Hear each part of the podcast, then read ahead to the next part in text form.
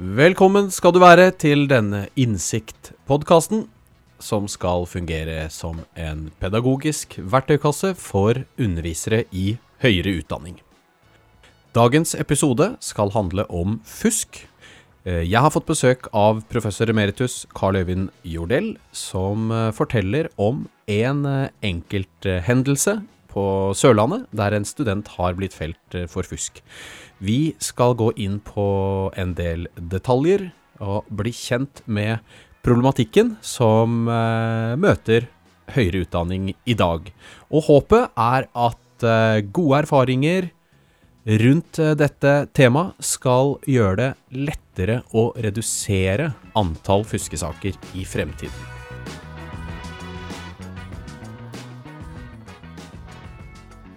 Ok, skal vi bare sette i gang, Ja, eller? ja. Ja.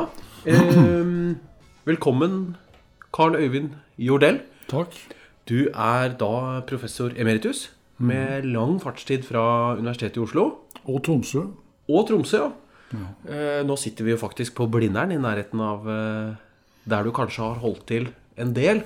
Vi ser en blokk som vi hadde kontor i. Ja. Og, eh, og vi skal snakke om eh, fusk, rett og slett. Eller temaet fusk. Eh, og dykke ned i en case som du har eh, engasjert deg en del i. Ehm, du kan jo begynne med å kanskje si litt om bakgrunnen din. Og så kan du fortelle om denne studenten, da, som, som er eh, casen for vår samtale. Og så, vi, så tar vi det derfra, tenkte jeg. ja, Når det gjelder min bakgrunn, så er det ikke først og fremst at jeg har vært professor som jeg trekker veksler på i denne saken. Men jeg har eh, i to omganger vært saksbehandler på Universitetet i Oslo, bl.a. med studiesaker. Og der var den stående ordre den at hvis vi fant at universitetet hadde begått en feil, eh, eller når vi fant at universitetet hadde begått en feil, for alle var innforstått med at i et så stort system så ville det oppstå feil. Når vi fant en feil, skulle vi raskt gjøre vårt ytterste for å rette opp denne feilen. Og som vi skal se, så har ikke det skjedd på samme måte i den saken som jeg eh, skal snakke om senere. Og så har jeg vært studentpamp på høyt nivå. For 50 år siden så var jeg studentrepresentant i det som da het akademiske kollegium, og som da heter noe så trivielt som universitetsstyret. Eh, og det var et organ som behandlet studentsaker, herunder fuskesaker. Og jeg måtte av og til prosedere studentsaker i kollegiet. Og da kunne jeg i hvert fall være forvisset om at de ville få en grundig behandling, fordi der satt to direktører som begge var jurister, og den ene var nokså skarpskodd. Og så satt dekanen i Det juridiske fakultet, som jo også var en relativt skarp, skarpskodd jurist.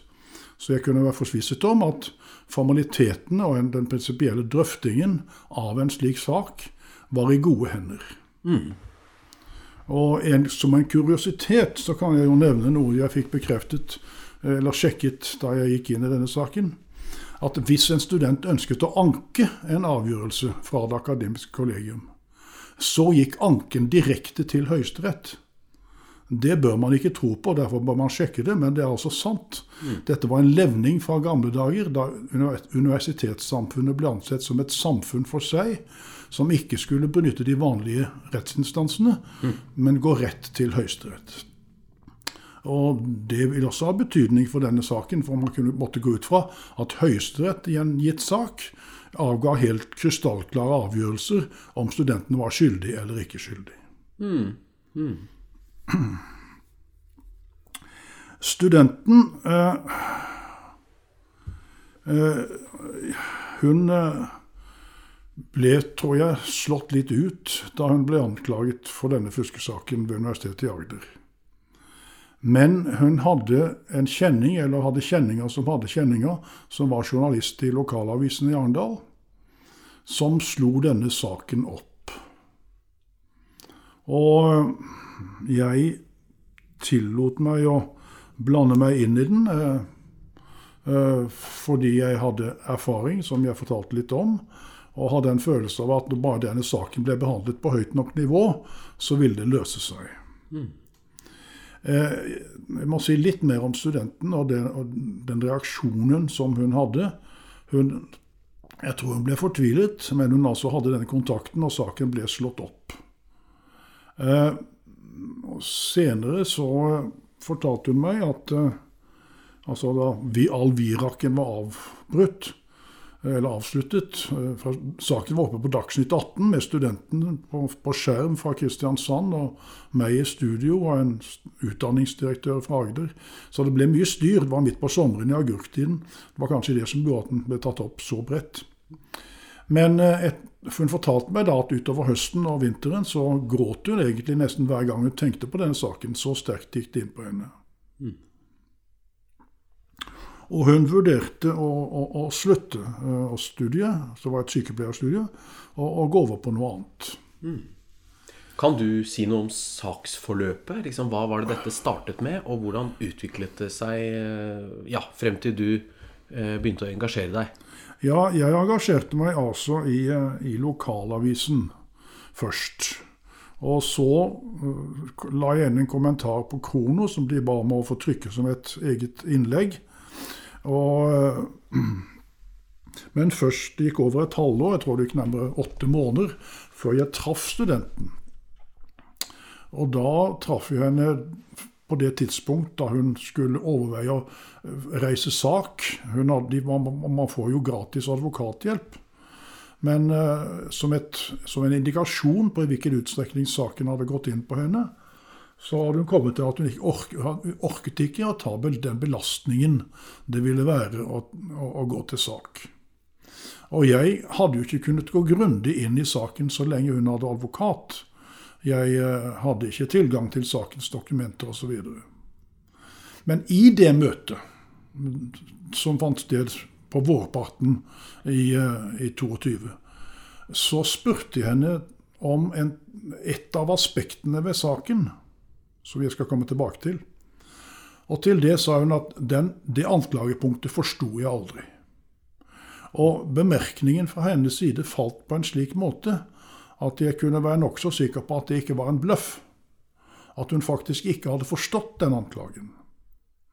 Og det plaget meg eh, i noen uker. Eh, til jeg fant ut at jeg kunne foreta et enkelt Google-søk med utgangspunkt i det, det, dette ene punktet i anklagen. Eh, anklagen gikk ut på at hun hadde stjålet fem pluss syv punkter fra en bacheloroppgave, for øvrig fra Høgskolen i Innlandet. Og jeg tenkte at kanskje disse her finnes igjen i den vanlige tekstmassen som finnes på Google. Og de fem punktene fant jeg ikke. Men de syv punktene, de fant jeg i et notat fra Universitetet i Stavanger som var basert på den læreboken som studenten hadde sagt at hun hadde brukt, og som hennes advokat hadde understreket at det var det som var kilden, ikke bacheloroppgaven. Så slik, eh, slik, kom jeg, eh, kom jeg, inn i det. Eh, men, men saken plaget meg altså i i flere uker før jeg skjønte at jeg kunne foreta dette enkle, saken, dette, dette, dette enkle søket. Og da kunne jeg si til studenten at i prinsippet er du nå frikjent på dette punktet. Og det tror jeg ga henne ny selvtillit, og hun bestemte seg da for å fortsette på, på sykepleierstudiet og ikke, ikke, hoppe av. Og det var da jeg skrev en artikkel som eh, hadde som overskrift ikke 'fusk og fanteri', men 'fusk og faenskap'. Og jeg har mellomfag i kristendom fra menighetsfakultetet med ren load, så jeg vet når jeg skal bruke stygge ord, og når jeg ikke skal bruke stygge ord. Og jeg valgte altså faenskap som et uttrykk for de farer som er forbundet med å bruke et databasert system uten å tenke. Mm. Og det var det jeg mente hadde skjedd på dette ene punktet i de tre. Jeg skal komme tilbake til de andre to punktene.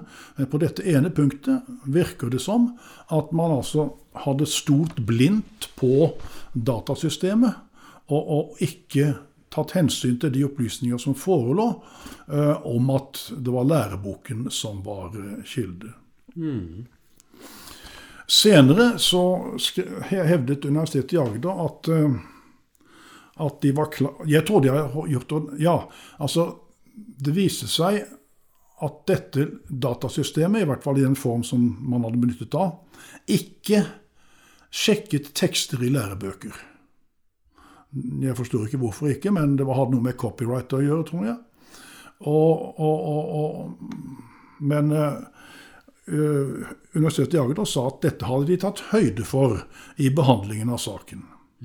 Vel, da de skrev det, eller sa det, de skrev det vel, så hadde de nok ikke full oversikt over at jeg på det tidspunkt hadde tilgang til alle sakens dokumenter, og raskt kunne konstatere at det i saksforeleggene, i to behandlinger i Agder, ikke var noen eh, drøfting av hvorvidt dette kunne være tatt fra læreboken. Og, og, og, jeg omtalte dette som en bløff. Og Krono valgte å bruke det litt sterkere uttrykket løgn om den måten som Universitetet i Agder da omtalte på, at de, de, mente at de hadde tatt høyde for dette. Det hadde de ikke gjort i denne konkrete saken. Det er sikkert riktig at de rent allment og generelt er klar over at lærebøkene ikke er med, men altså i denne saken var det ingen klare indikasjoner i saksforeleggene i to behandlinger eh, på at, ingen klare indikasjoner på at man hadde eh, trodd på dette med læreboka. Mm. Kan jeg spørre da, fordi disse konkrete punktene det kommer vi jo inn på, ja. eh, og, og, skal snakke litt om de. Eller de to andre punktene. Ja, ja. Men eh, kan du si noe om eh, utgangspunktet? Altså hva slags eh, oppgave eller eksamensbesvarelse eller vurderingsform var dette? Og, og liksom hva, hvilken ja, kontekst skjedde det, dette her? Det er et viktig punkt som jeg kanskje burde si noe mer om. ja, fordi dette var jo en eksamen som var planlagt som en vanlig såkalt skoleeksamen. Mm. Men pga. pandemien så ble den raskt, eller litt altså raskt i betydningen på kort varsel, omgjort til en hjemmeeksamen. Så vidt jeg forsto med noenlunde samme timetall som man ville hatt ved skoleeksamen. Men også, så vidt jeg har forstått, med litt flere oppgaver, slik at studenten skulle bli, ikke ha tid til å, å, å, å bruke altfor mye kilder i eksamenssituasjonen. Mm. Og det er noe jeg gjerne vil komme tilbake til når det gjelder dette med å forhindre fusk. Mm. For jeg tror kanskje man må differensiere eh, i, både i straff og, og så, ulike ting, eh, når det gjelder altså hva slags eksamenssituasjon man tar utgangspunkt i. Da noterer jeg det, så kommer vi tilbake til det. Men la meg bare si at eh, med referanse til, til, til det jeg sa om at uh, Universitetet i Oslo hadde en stående ordre om at vi skulle rette opp saker raskt, og at jeg um, har gått ut fra at Høyesterett i den tiden avga klare kjennelser, så, er det altså blitt meget, så denne, har denne saken endt på en meget diffus måte på dette punktet som jeg nå har snakket så langt om. For Felles klagenemnd har sagt at de har ikke lagt vekt på dette punktet i sin siste behandling. Men i sin første behandling så er det ikke mulig fra saksdokumentet å lese at de har lagt mindre vekt på dette punktet enn på andre. Mm. En vanlig student ville i hvert fall ikke kunne lese det. Jeg kunne se at de to andre punktene var drøftet, og at dette punktet ikke var drøftet. at det punktet jeg har snakket om. Men det oppfattet jeg å være fordi det var så veldig klart at dette var fusk. Hun hadde stjålet fra bacheloroppgaven, og det var ikke noe å diskutere. Eh, men det hadde hun altså ikke gjort. Mm. Og, og, det pussige er jo at etter denne behandlingen, da, da, da, da da Felles klagenemnd sier at de ikke vil legge vekt på det, hadde lagt vekt på dette punktet, så tillater Universitetet i Agder seg å si at eh, det ikke er påvist feil i deres behandling av saken. Og, og Felles klagenemnd har ikke påvist feil, for de har bare sagt at de har ikke vektlagt mot. Men realiteten er jo den samme som før, nemlig at studenten notorisk hadde benyttet læreboka. Jeg har sjekket lærebokens side og de fem pluss syv punktene i de to listene, og det er ingen tvil om at det er der hun har hentet den fra. Mm. Eller for å si det på en litt mer omstendelig måte.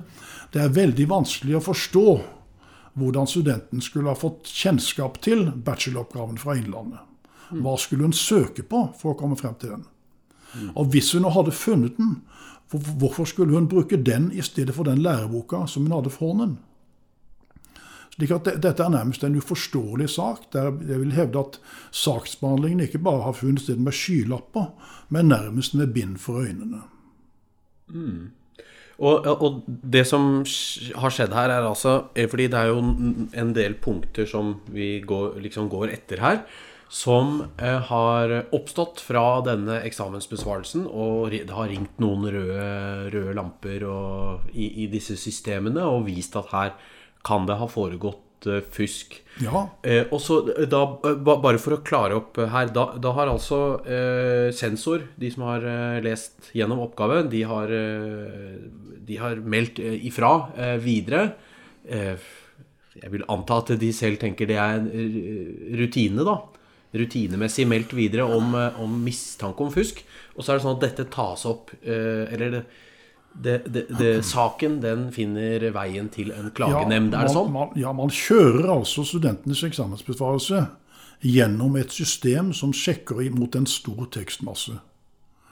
Og jeg tror ikke det punktet jeg til så langt har snakket om, er noe som faglæreren eller sensor kunne oppdage som fusk. Eh, fordi jeg går ut fra at sensor eh, stolte, skjønte at det sto i læreboken.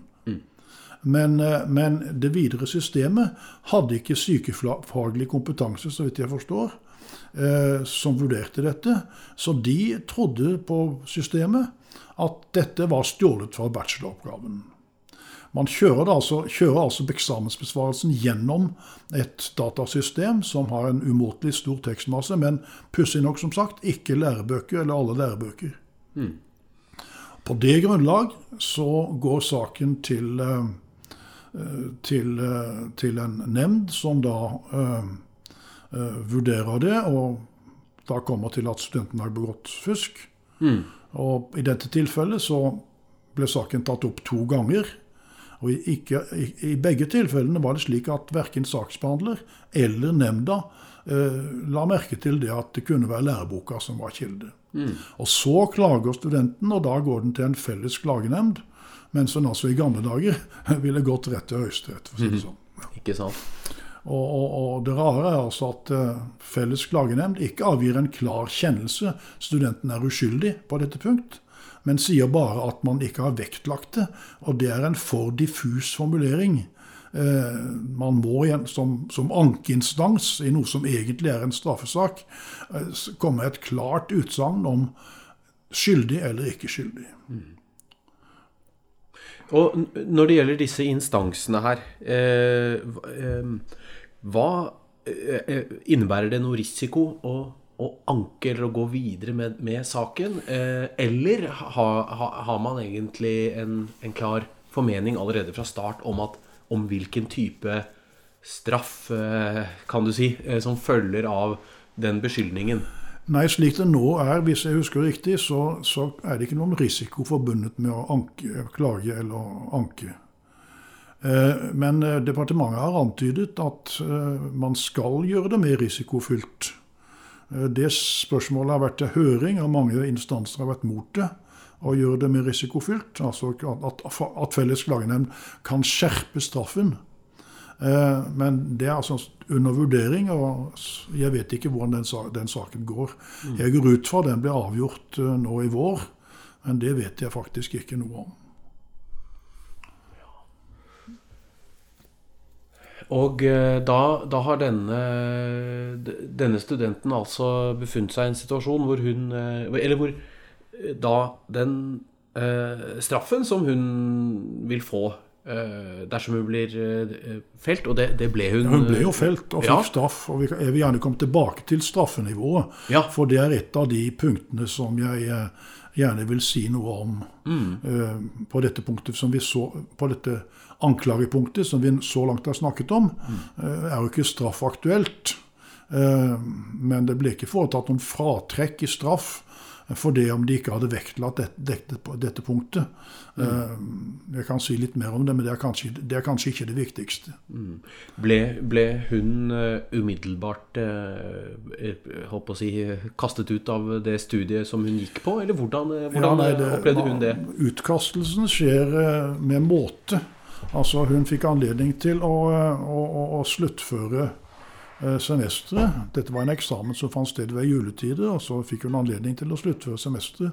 Men så ble hun utestengt i to ganger et halvt år. Eh, og, og, og det var i den perioden jeg møtte henne, da. To og et halvt år, altså. Nei, nei, to ganger, to ganger et halvt år. To ganger et halvt Ja, år. altså ett år samlet.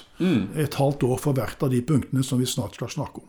Ja, nettopp. Så, så, så omfanget av det som eh, Altså omfanget av anklagen har også noe å si for eh, rett og slett omfanget av, ja. av straffen. Ja. Ja. ja. ja. Vil du gå til de punktene Ja, nå? og det ene, noe- det, det, nei, det ene punktet som for meg fremstår som det viktigste, har jeg vel kanskje allerede snakket om. Det er altså nødvendigheten av at studenten, at klageinstansen, som har samme funksjon som en rettsinstans, avgir krystallklare avgjørelser eh, om skyldig eller ikke skyldig. Og det har ikke skjedd i dette tilfellet. Man sier man ikke har vektlagt det, og det syns jeg er en diffus formulering.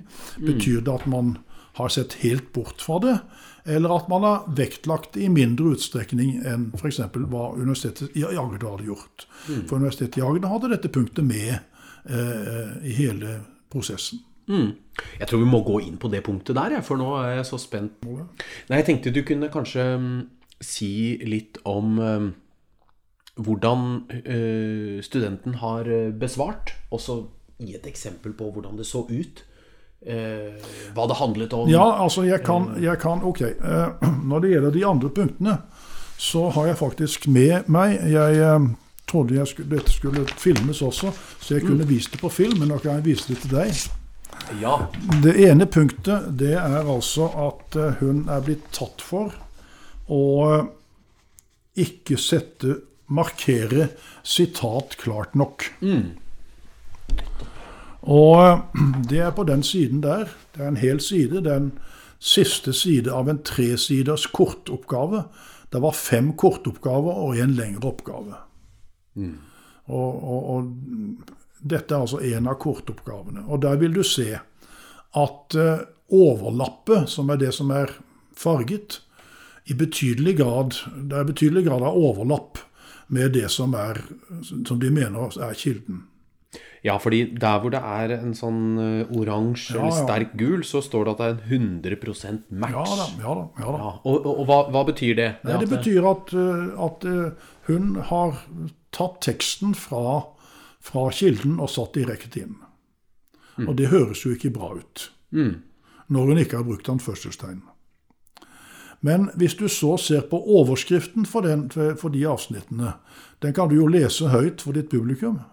Ja, det her er sikkert da en artikkel om eh, smertebehandling ved kronisk kreftsykdom. Som Og du ser hvor lik innholdet i den teksten er, overskriften som hun har benyttet på denne siden. Eh, Jeg vil tippe at du, hvis du var sykepleierutdannet og skulle være sensor, så vil du umiddelbart forstå at det som sto under overskriften, var hentet fra den kilden som, eh, som eh, hun oppfører ned- nederst på siden. Men fordi hun ikke har satt inn anførselstegn, så blir hun altså straffet med et halvt års utestengning.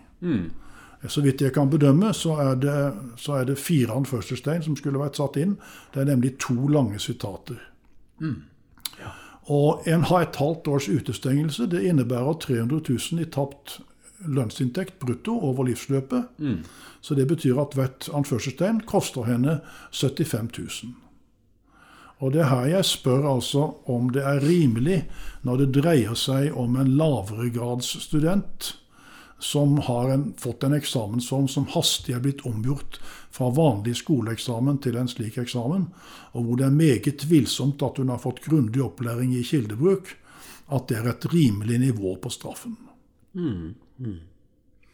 Ja, og, og fordi da, da etterlyser du egentlig at uh, det, det må tillegges eh, skjønn, og enten om man velger å uh, holdt på å si straffeforfølge det videre, eller om man skal eller, eller man skal ikke gå videre med det, så må det tillegges en, et visst skjønn som handler om hvor ja, I mangel på bedre ord hvor grov overtredelsen er. Ja. Eh, og det, det, mener du har ikke blitt gjort eh, her? Altså, jeg mener, eh, og det har med reduksjon av antall fuskesaker å gjøre, at i, det, i de saker hvor studenten har oppgitt en ekstern kilde, slik som her, så bør man unnlate å si at det er fusk. Selve anklagen om fusk er så alvorlig, det har med menneskelig kvalitet å gjøre, at man må, bør etter mitt skjønn være meget tilbakeholden med en slik anklage. Mm.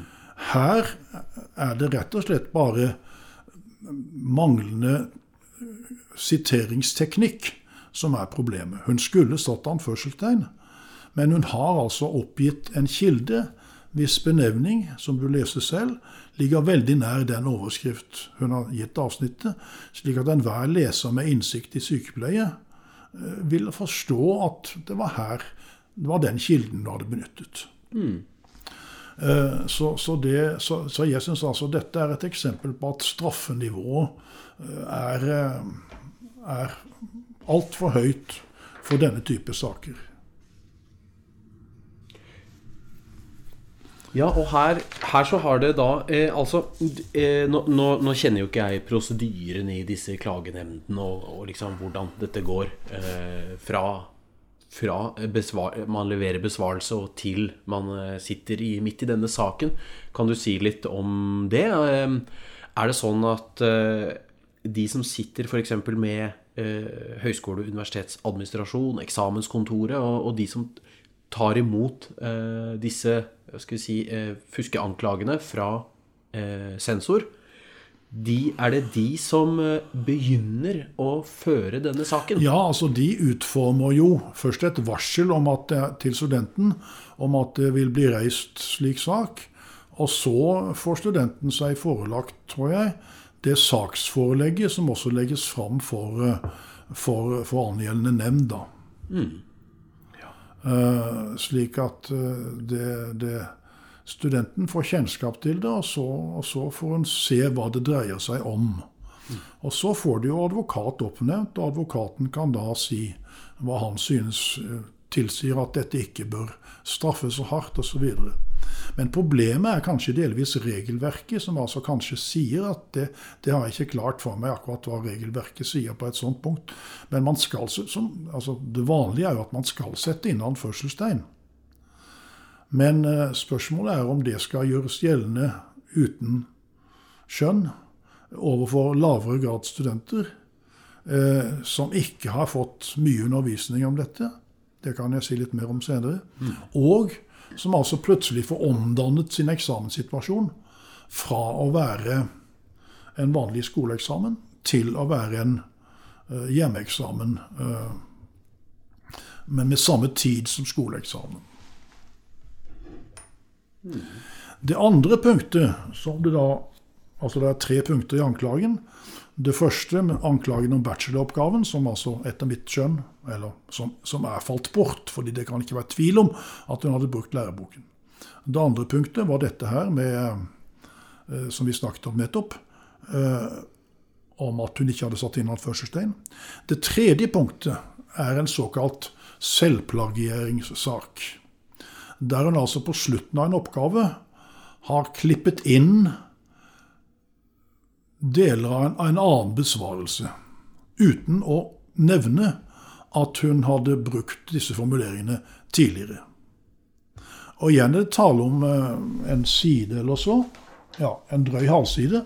Men eh, her er det for det første slik at det er omstridt i klagenemndene, særlig i Felles klagenemnd, Nasjonalnemnda, om selvplagiering skal være skal være oppfattet som plagiering, altså fusk, eller ikke.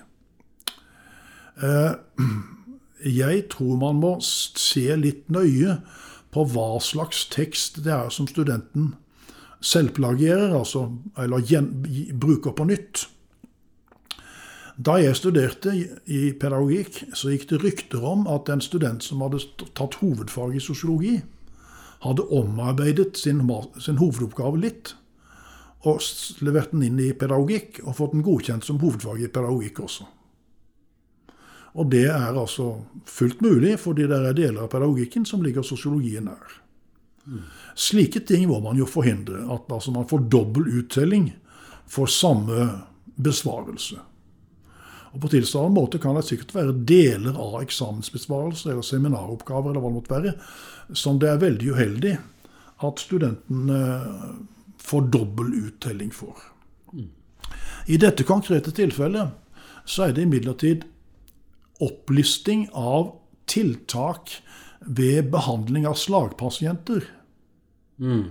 Ja. Eh, og som jeg, ja, så, så, Siden jeg selv har erfaring som slagpasient, så kan jeg bekrefte at det er nokså trivielle opplysninger om hvordan man behandler en, en, en slagpasient for, for opptrening og sånn.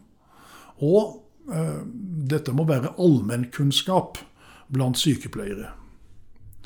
Så da er spørsmålet, når man refererer eh, allmennkunnskap blant sykepleiere, og, og burde ha oppgitt at man, det, det har man også skrevet om før, men er det da så alvorlig, siden det bare altså dreier seg om nokså trivielle tiltak eh, for slagpasienter, er det da nødvendig også i dette tilfellet å stenge studenten ute i et semester med et nye 300 000 i tapt eh, inntekt over livsløpet?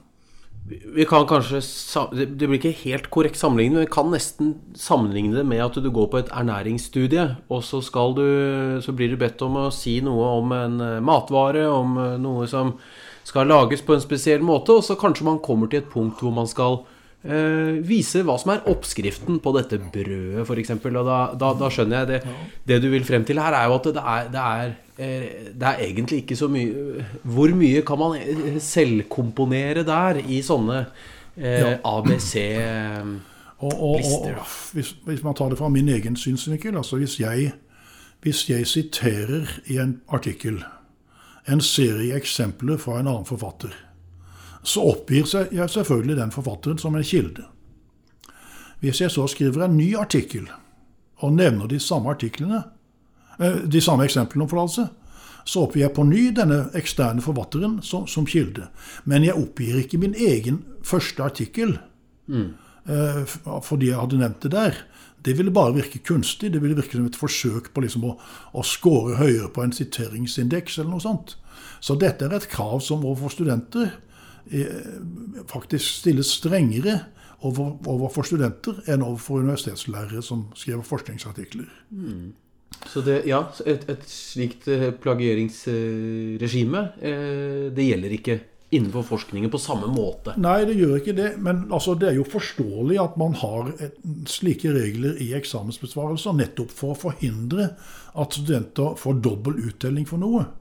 Men det å få dobbel uttelling fra en liste over byer i Belgia, for å si det sånn da, som er et enda mer trivielt eksempel enn ditt ernæringseksempel, det, det, det virker overdrevet.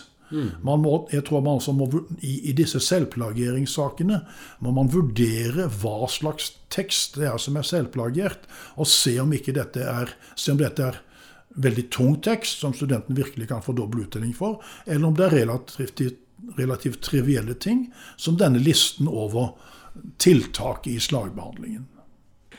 Så da, ja, da kan vi oppsummere de tre punktene en gang til, da. Ja, altså For det første har vi et punkt der hun der man hevder at hun har stjålet fra en bacheloroppgave, mens det er helt åpenbart at hun har stjålet eller tatt fra den læreboka som hun selv hadde oppgitt som kilde. Og der er det ikke noe problemer med sitering eller noe sånt. Det er bare det at den kilden var oppgitt, eh, og alt var i grunnen korrekt der. Så har vi et tilfelle hvor hun har latt være å sette anførselstegn. Eh, glemt det kanskje. Men hun har oppgitt med overskrift eh, hva temaet er, og oppgitt en kilde som har det samme saklige innhold som overskriften, slik at det er åpenbart for enhver kyndig leser at det er kilden som hun har benyttet på den siden hvor overskriften står.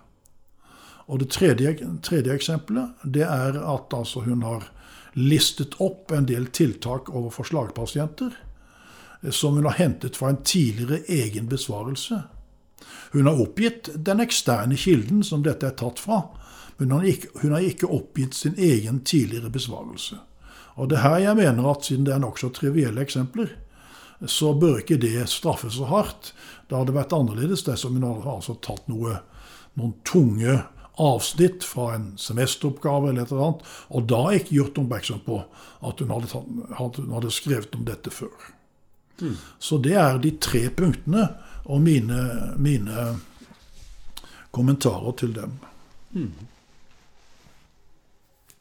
Ja, jeg, jeg, blir veldig nysgjerrig på, på saksbehandlingen. Jeg, hvor, fordi du beskriver jo et tilfelle av um ja, av at eh, eh, en av disse rettsinstansene de tar ikke egentlig hensyn til, eller vektlegger ikke engang, eh, et ganske viktig poeng i saken.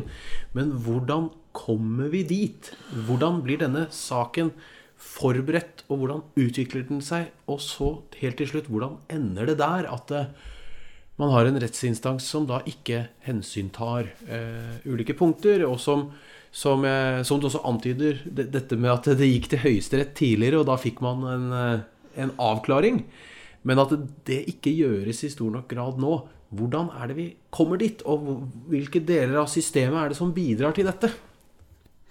Nei, her har jeg prøvd å ta steg overfor Universitetsrådet og overfor Norsk studentunion, eller studentorganisasjon som det heter nå, eh, for å, ta, for å få dem til å gå inn nettopp i dette feltet. At det er avgjørende viktig at det som nå er ankeinstansen, fatter avgjørelser med en klarhet som i hvert fall kan nærme seg Høyesterett.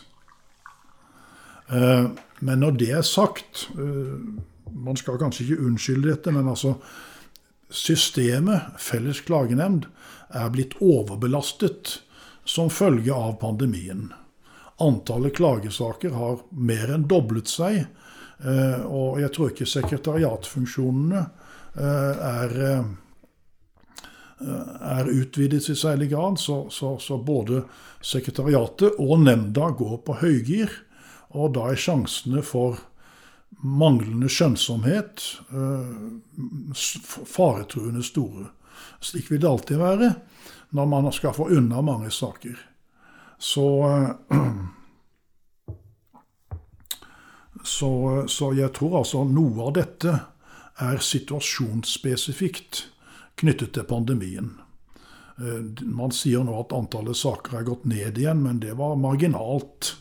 Så jeg tror at man, eh, at man må gjøre noe med, med, differensiert saksbehandling. Og det kan jeg kanskje si noe med det samme, fordi mm. det var noe jeg hadde tenkt å si noe om i tilknytning til dette med å forhindre antall fuskesaker. Altså, jeg tror man for det første må skille mellom master- og bacheloroppgaver på den ene side og eksamener på den andre siden. Mm. Og innen eksamener så må man skille mellom de eksamene hjemmeeksamener av vanlig type, der studentene har en uke på seg, og hjemmeeksamener som skal gjennomføres på noen få timer. Og egentlig får man da seks grupper. Mm. Der det øverste gruppen er masteroppgaver. Og der den neste gruppen er bacheloroppgaver. Og så får man eksamener på masternivå på en uke. Og så får man eksamener på bachelornivå på en uke. Og så får man eksamener på kort tid på masternivå, og eksamener på kort tid på bachelornivå. Og jeg ville mene at man burde ha ulike terskler Eh, for fusk eh, for disse, for disse eh, situasjonstypene. Fordi at, sånn som i noen av de tilfellene vi her har sett, så, så kan det rett og, slett, rett og, slett, bare være uteglemmelse av anførselstegn. Og uteglemmelse av å oppgi sin egen tidligere besvarelse som kilde, som kan være årsaken. Slik at denne studenten befinner seg på det laveste nivået, nemlig en eksamen på få timer på bachelornivå. Og her er det også viktig å, å, å altså, Nemndene sier at dette er en viderekommen student. Vel, hun hadde gjennomført halvparten av sykepleierstudiet. Men det er ikke før i sitt siste og sjette semester at hun skal skrive bacheloroppgave. Og det er først da det gis en noenlunde grundig innføring i kildebruk. Mm. Eh, studenten forteller meg at eh, eh, da de skulle ha denne eksamen, så ble det uro, eh, og, og man innkalte til et hastig møte. Og, og der ble det betonet at, at det viktige var eh, å oppgi eksterne kilder, det som studenten har gjort. Og pussig nok har jeg fått en ny opplysning fra en student i Agder, som forteller at i, i, i dette studieåret har, har, har, har en faglærer måttet beklage feilaktige opplysninger om hvordan de skulle gå fram ved, ved henvisninger av kildebruk, og, og måttet korrigere dette i undervisningen. Slik at det altså er store farer for feilkilder. Agder og Felles klagenemnd har pukket på at her finnes klare regler på nettet. Men hvis studenten ikke har fått anledning til å praktisere disse med tilbake, tilbakemeldinger, eh, altså overfor en lærer, så kommer vi så, ja, Jeg kan sitere programlederen i Dagsnytt 18, som spurte utdanningsdirektøren i, i, i Agder om, om, det var det som var høyere utdanning, nemlig å vise til regler på nettet. Om ikke høyere utdanning innebar noe mer. Og det gjør det jo. Det innebærer som regel i slike saker at studentene får anledning til å trene og få tilbakemelding på om de har gjort det riktig. Mm. Og her her er det en feil i i, i saksdokumentene. Felles klagenemnd påstår at studentene har fått trening og utdanning, men det er ikke mulig å spore noe annet i saksdokumentene fra Agder enn at hun har fått til henvisninger til nettsider der reglene står. Der er ikke redegjort for hvilken undervisning denne studenten har fått. Mm. Og Det er jo da et av de punktene som nylig kom frem på Krono, der en, en, en, en prorektor på Høgskolen på Vestlandet jo sier at uh, altså går inn på dette med på hvilken påkjenning det er å få slike anklager, og sier at det de har gjort, det er tidlig i studiet å gi studentene en innføring i dette med tre, muligheter for å trene slik at jeg på den måten kan forhindre fusk. Mm, mm. Nettopp. Og ja, og da, da, at dette skjer ganske tidlig i studieløpet? Ja, det må skje tidlig dersom man skal være så streng i alle seks uh, grupper som jeg nettopp skisserte. Altså uh, hvis man også over, over lavere grad studenter mm. som får en sammentrengt hjemmeeksamen, Mm. Hvor man kanskje har lagt til flere oppgaver enn det man hadde på en vanlig skoleeksamen.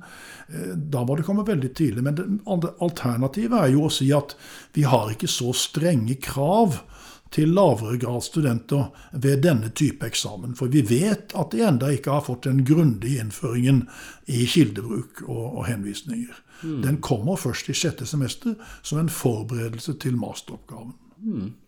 Jeg, eh, jeg, jeg, får litt sånn eh, Får en anelse at Eller de, de her uh, ulike den, Ja, den, det skjemaet du tegner opp med, med da med, Altså alvorligere eller mer avansert uh, grad av studier, og, og, og mindre. Uh, er det noe som undervisere og sensorer og sånn egentlig kan begynne å bruke allerede nå? altså rett og slett gå inn i med den, den skjønnsmessige vurderingen de gjør, med det som utgangspunkt. Uh, uten at det trenger å formaliseres på noe uh, vis. Er det praktisk mulig i dag? Det, det, er vanskelig å si, fordi hvis man først oppdager noe man mener er fusk, uh, så, så plikter man jo å si fra. Og det kan være vanskelig for en gitt sensor å, å avgjøre hvor alvorlig dette er. Men eh, altså rent generelt vil jeg, jo, vil jeg jo måtte si at jeg vil råde sensorer og faglærere som retter oppgaver, eh, med å være, med å være litt forsiktig med å ta opp fuskesaker. Og Her viser jo statistikken at det er tre institusjoner, og Agder er en av dem, og Høgskolen i Sørøst-Norge er en annen, og jeg husker ikke hvilken tredje er, som har tre-fire ganger så mange fuskesaker som det vanlige, som er altså ja, indeks, en indeks som er sånn 10-15, mm. og så er det tre institusjoner som har 40-50-60. Ja. Veldig høyt. Og, og, og, dette oppfatter jeg med et gammeltestamentlig uttrykk som en nidkjærhet fra institusjonenes side. Og jeg vil nesten si at de som vet at de jobber ved en nidkjær institusjon, de bør kanskje være tilbakeholdne med å melde fusk hvis de tror det er en bagatell. Mm, mm. Så, så, eh, det du egentlig etterlyser, er også ikke bare at eh, studenter får nødvendig opplæring, men også undervisere, sensorer, eh, de som utformer og, og vurderer oppgavene også, trenger litt mer eh, bakgrunn for å kunne ta gode vurderinger. Ja, det jeg egentlig sier, det er at de må være forsiktige. Fordi at det kan virke som noen institusjoner fisker fuskere med et for finmasket nett, for å si det sånn. Mm. Altså, de, de, skal ha med, med, seg alt.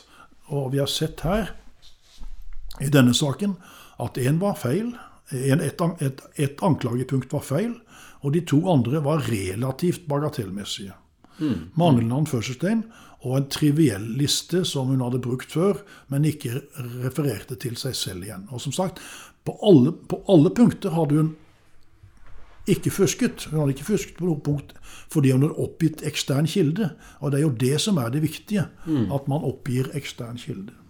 Eh, tror du saken kunne vært unngått hvis uh, i, fare for å henge ut noen her, men at, at uh, dersom sensor eller de som utformet uh, eksamensbesvarelsen, eller begge, hadde vært mer klar over disse tingene, og kanskje bedre forberedt på at dette kan komme, sånne type punkter kan oppstå, her.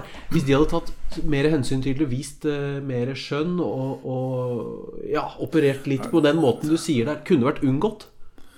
Det, det er vanskelig å si, altså. Jeg eh, den, det, vil variere så veldig med hva slags tekst det er tale om, uh, og hva en sensor tenker om det. Men uh, jeg, er ikke sikker på hvilket punkt det var faglæreren reagerte på. Så, så, så, her kan jeg ikke egentlig uttale meg. Mm. Mm. Det jeg har lyst til å si noe om, vi går vel mot slutten, det er eh, det, med referanse til det jeg startet å si, at vi på Universitetet i Oslo, der jeg var saksbehandler, hadde stående ordre om at man en, ser man noe som kan være feil, så skal man gjøre sitt ytterste for raskt å få rettet opp feilen. Og her har altså Universitetet i Agder da da feilen ble klargjort for dem av meg. Eh, jeg skrev både til Agder og Felles klagenemnd og ba om Agder at de skulle uttale seg om saken, og at Felles klagenemnd skulle behandle den på nytt. Og Agder begrenset seg da til å si at det ville de ikke gjøre, for saken var stadfestet av Felles klagenemnd. Og Dette spørsmålet reiste Krono overfor eh, professor Bernt, som er professor emeritus i offentlig rett, en av de ledende forvaltningsrettsekspertene i Norge. Og Han betonet da, og nå siterer jeg hvis det, kommer frem feil, hvis det kommer frem opplysninger om feil ved vedtaket, eller grunnlaget for det, som kan føre til at vedtaket er ugyldig, må instansen, altså i dette tilfellet Universitetet i Agder, anses som etisk og tjenestemessig forpliktet til å gjøre Den nasjonale klagenemnd oppmerksom på dette. Og en avgjørelse Altså hvis studenten er straffet med en avgjørelse om annullering eller øh, straff, den må bygge på fullstendig og korrekt faktisk informasjon for å være gyldig. Dette betyr altså at Universitetet i Agder hadde en plikt til, da jeg gjorde oppmerksom på feilen i det ene anklagepunktet, til raskt å behandle saken og si at man frafalt dette punktet. Men det gjorde man ikke. Man insisterte på at de var ferdig med saken, og den var blitt stadfestet av, av, av klagenemnda. Men altså, det forvaltningsrettslige prinsipp er at underinstansen, hvis den ble klar over en feil, så må den selv ta steg for å rette opp feilen, og om nødvendig ekspedere den til eh, ankeinstansen for en endelig avgjørelse. Mm. Men det nektet man plent å gjøre. Og til overmål har man altså, etter at saken var behandlet av Felles klagenemnd, som sa at de hadde sett bort fra ett punkt, så påstår Agder at det ikke er påvist noen feil i deres saksbehandling. Mm. På tross av at jeg i hvert fall har påpekt feil, og de aldri har kunnet argumentere mot den, fordi det er så åpenbart at studenten på det punktet vi snakket om først, hadde brukt læreboka som kilde, og ikke denne bortgjemte bacheloroppgaven fra Innlandet. Mm. Ja, vi skulle jo komme litt inn på eh, det med mm, hva slags eksamenssituasjon som kan eh, være kanskje eh, bedre å bruke enn det som har blitt brukt i dette tilfellet, eller om du har noen, noen tanker om hva er det som legger til rette for hva, hva, kan vi gjøre mer av som legger til rette for færre fuskesaker? Særlig da når vi utformer eksamen og, og, skal vurdere ja, de. Det, det, er jo noe jeg på langt, langt på vei har frakoblet meg selv fra, fordi jeg sluttet som aktiv underviser og eksamensgiver. Men, eh, men altså Jo mer man kan legge inn i besvarelsene, et krav om selvstendig drøfting og selvstendig forhold til stoffet, jo, jo, mindre vesentlig blir jo det om man har sitert på den ene eller den andre måten fra en oppgave, fra, fra, fra, fra en kilde. Slik at altså oppgaver som fordrer selvstendighet, eh, er jo sterkt å foretrekke hvis man skal fortsette med å ha hjemmeeksamener. Nå vet ikke jeg om, eh, om man tvinges sakte, men sikkert til å gå tilbake til skoleeksamene, fordi man nå får alle disse nye elektroniske vidunderne, chatbot og sånn, som jeg ikke har mm. noen erfaring med. Eh, I gamle dager var det jo slik at den eneste måten å fuske på, det var å gjemme lapper på do, for å sette det litt på spissen. Eh, eller altså Det var andre måter også.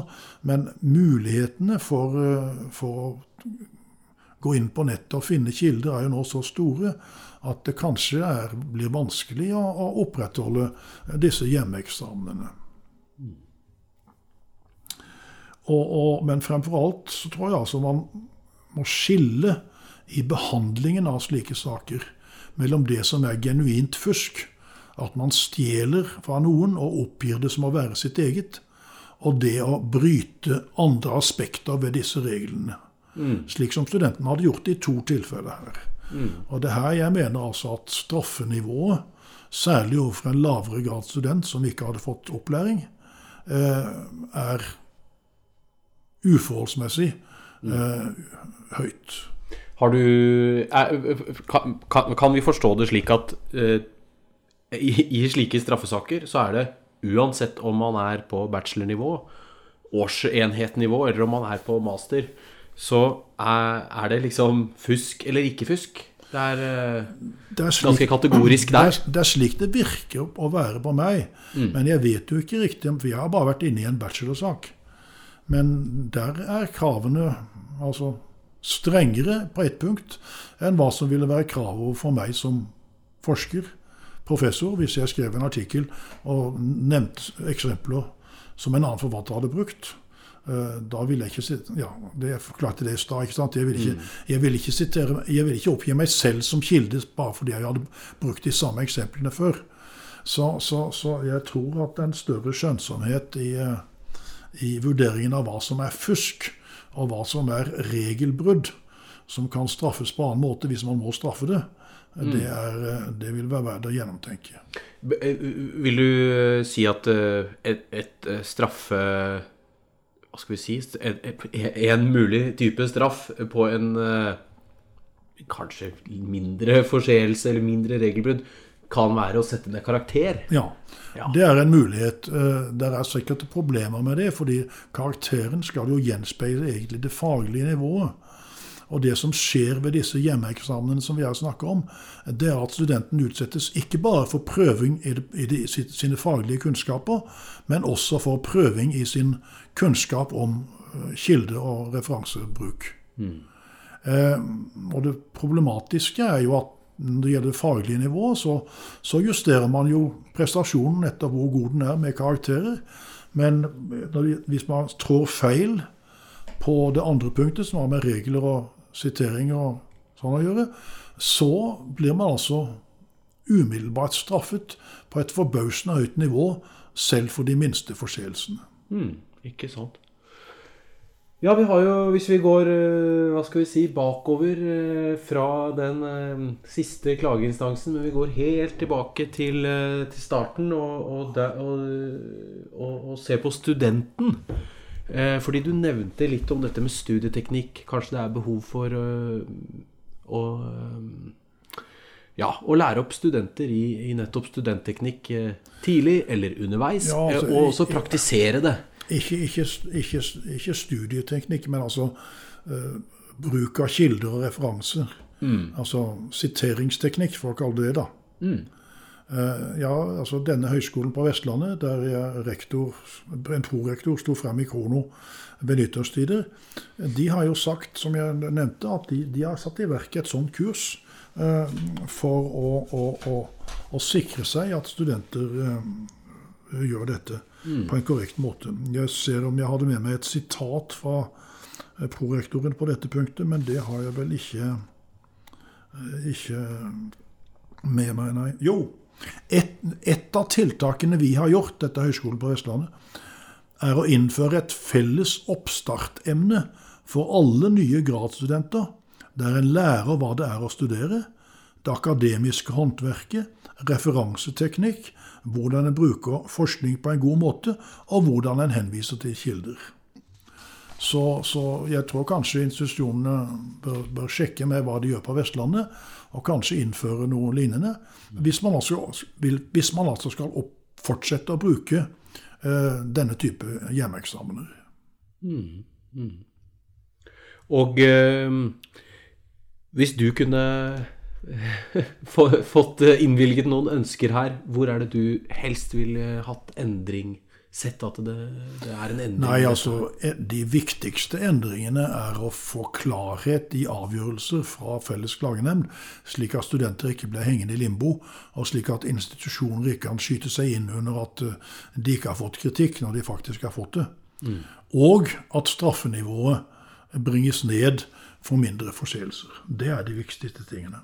Og at institusjonene forholder seg til vanlig forvaltningsrett og gjør som professor Bernt sier, eh, tar steg for å informere eh, om feil, eh, mulige feil, på samme måte som jeg ble opplært til å gjøre da jeg jobbet ved Universitetet i Oslo for 50 år siden. Mm. Nei, men det var eh, strålende nyttig, dette her. Jeg skal videre i denne fuskesaksreisen. Vi vil jo prøve å få ned eh, antall fuskesaker. Og eh, ja, veien dit er lang, men vi må jo forsøke. Ok, og med det så vil jeg gjerne takke deg veldig mye for at du kom hit. Carl Øyvind Jordell, professor emeritus, med bakgrunn fra Universitetet i Oslo og Tromsø. Takk for i dag. Takk for meg.